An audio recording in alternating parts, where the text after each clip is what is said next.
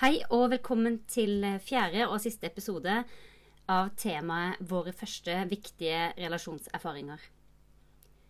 Vi har snakka om eh, hvordan det var å være oss hjemme, og hvordan det var å møte omverdenen der ute i gata. Og dette å etablere vennskap, hvordan vi eh, fant vår rolle, eller eventuelt ikke fant vår rolle så godt eh, i gjengen. Og Denne gangen så tenkte jeg at jeg skulle si litt om hvordan disse første erfaringene påvirker oss når vi skal ut og bli kjent med nye folk. Om det så er mange eller få, så er det sånn at vi gjerne bærer preg av de erfaringene som, som har vært viktige. Jeg vet ikke hva du tenker på når jeg sier vennegjeng. Om du liksom tenker 'yes, der er jeg liksom midt i sentrum og storkoser meg', det er mye latter og smil og varme. Eller kanskje du tenker at eh, ja, før så elska jeg liksom å være i den gjengen, men nå vet jeg ikke helt. Eller kanskje er det sånn at du stort sett eh, ser deg selv på utsida av en sånn gjeng, et godt stykke unna.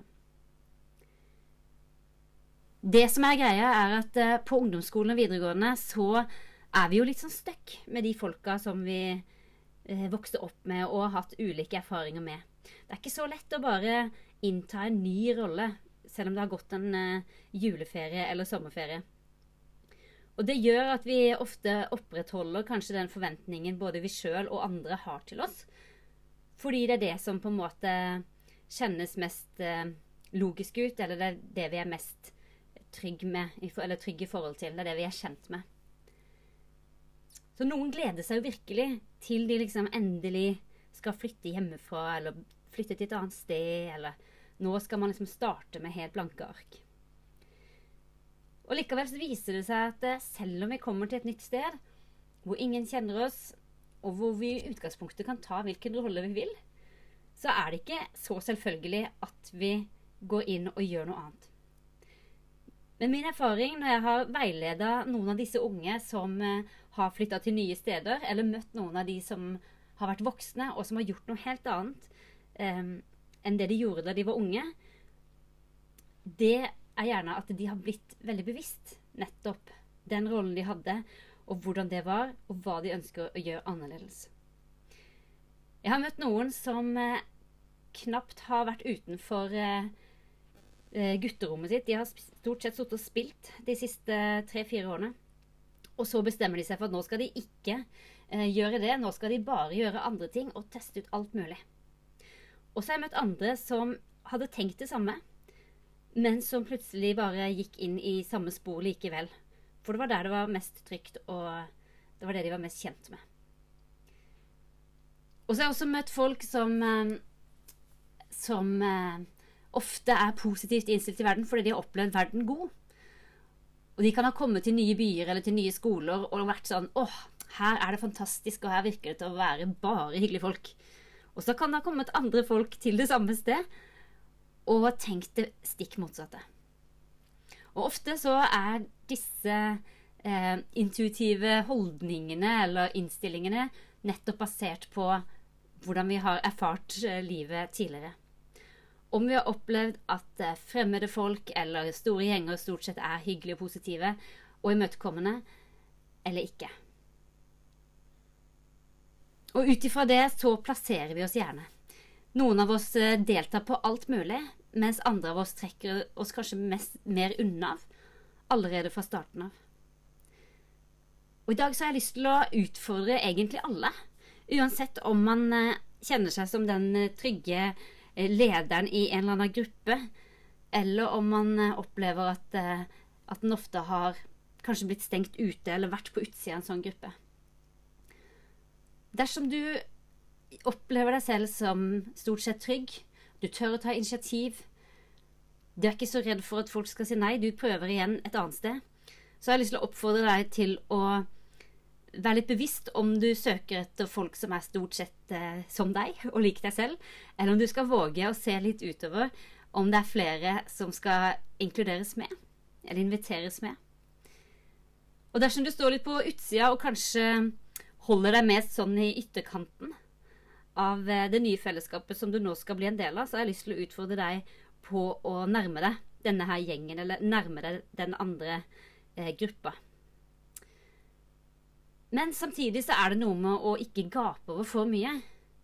For det kan ofte være ganske sårbart hvis vi har opplevd avvisning, å eh, nærme seg en ny mulighet for det. For det kan jo skje i alle vennskapsrelasjoner at, eh, at man tar initiativ, og at eh, det ikke helt ble som, som ønska. Så det jeg ønsker å oppfordre til, er å være på let etter en person som du syns virker OK og nærme deg. En person som du kanskje har noe til felles med. Kanskje har dere noe felles eh, hobby, felles musikk, felles humor. Um, eller musikksmak eller felles humor. Vær litt på let, og vær åpen for å bli kjent med, med en. Og så starter vi der, og så ser vi hva som skjer. Noen ganger så er det i hvert fall sånn at når vi gjør noe nytt, så kan vi også gi oss selv og andre nye erfaringer. Og det er som regel enklere å starte med oss selv enn å håpe at hele verden rundt forandrer seg. Samtidig så er det gøy å se, syns jeg sjøl, at når jeg nærmer meg folk som jeg ikke trodde jeg hadde så mye til felles med, at jeg da kan bli ganske overraska over eh, både hvor fine folk er, som jeg kanskje hadde et annet bilde av først, når jeg sto litt lenger unna, og også hvor mye vi faktisk iblant kan ha til felles. Lykke til med å ta ansvar for de relasjoner som du står i møte med nå i år. Om det er folk som du har vært sammen en stund, eller om det er en ny gruppe du har foran deg. De neste episodene skal handle om parforhold. Og jeg kunne sikkert satt av et helt semester til det, men planen min er å eh, i denne omgang ha fire episoder hvor vi både ser på eh, hva man ofte er på let etter, eller hva man er opptatt av når man skal finne en kjæreste. Og eh, det å være litt bevisst hva man kanskje skal tenke gjennom, ikke bare hvordan den andre skal være en perfect match for meg, men også å tenke hvordan en sjøl kan bli en god kjæreste. Vi skal snakke om det med å være ett og samtidig være to. Hvordan gi rom for eh, selvstendighet og fri vilje og ulikhet. Og vi skal se på hvordan eh, vi forholder oss til det faktum som vi mange opplever iblant, at eh, full match plutselig oppleves som full krasj. Så jeg håper du vil følge med videre, og kommenter gjerne ting du syns har vært nyttig. Send meg gjerne en mail på guro.samtaleverkstedet.no dersom du har innspill på temaer som har blitt snakka om, eller som du ønsker skal bli tatt opp i denne podkasten. Og del gjerne med andre som du tenker at denne podkasten kan være viktig for. Vi snakkes.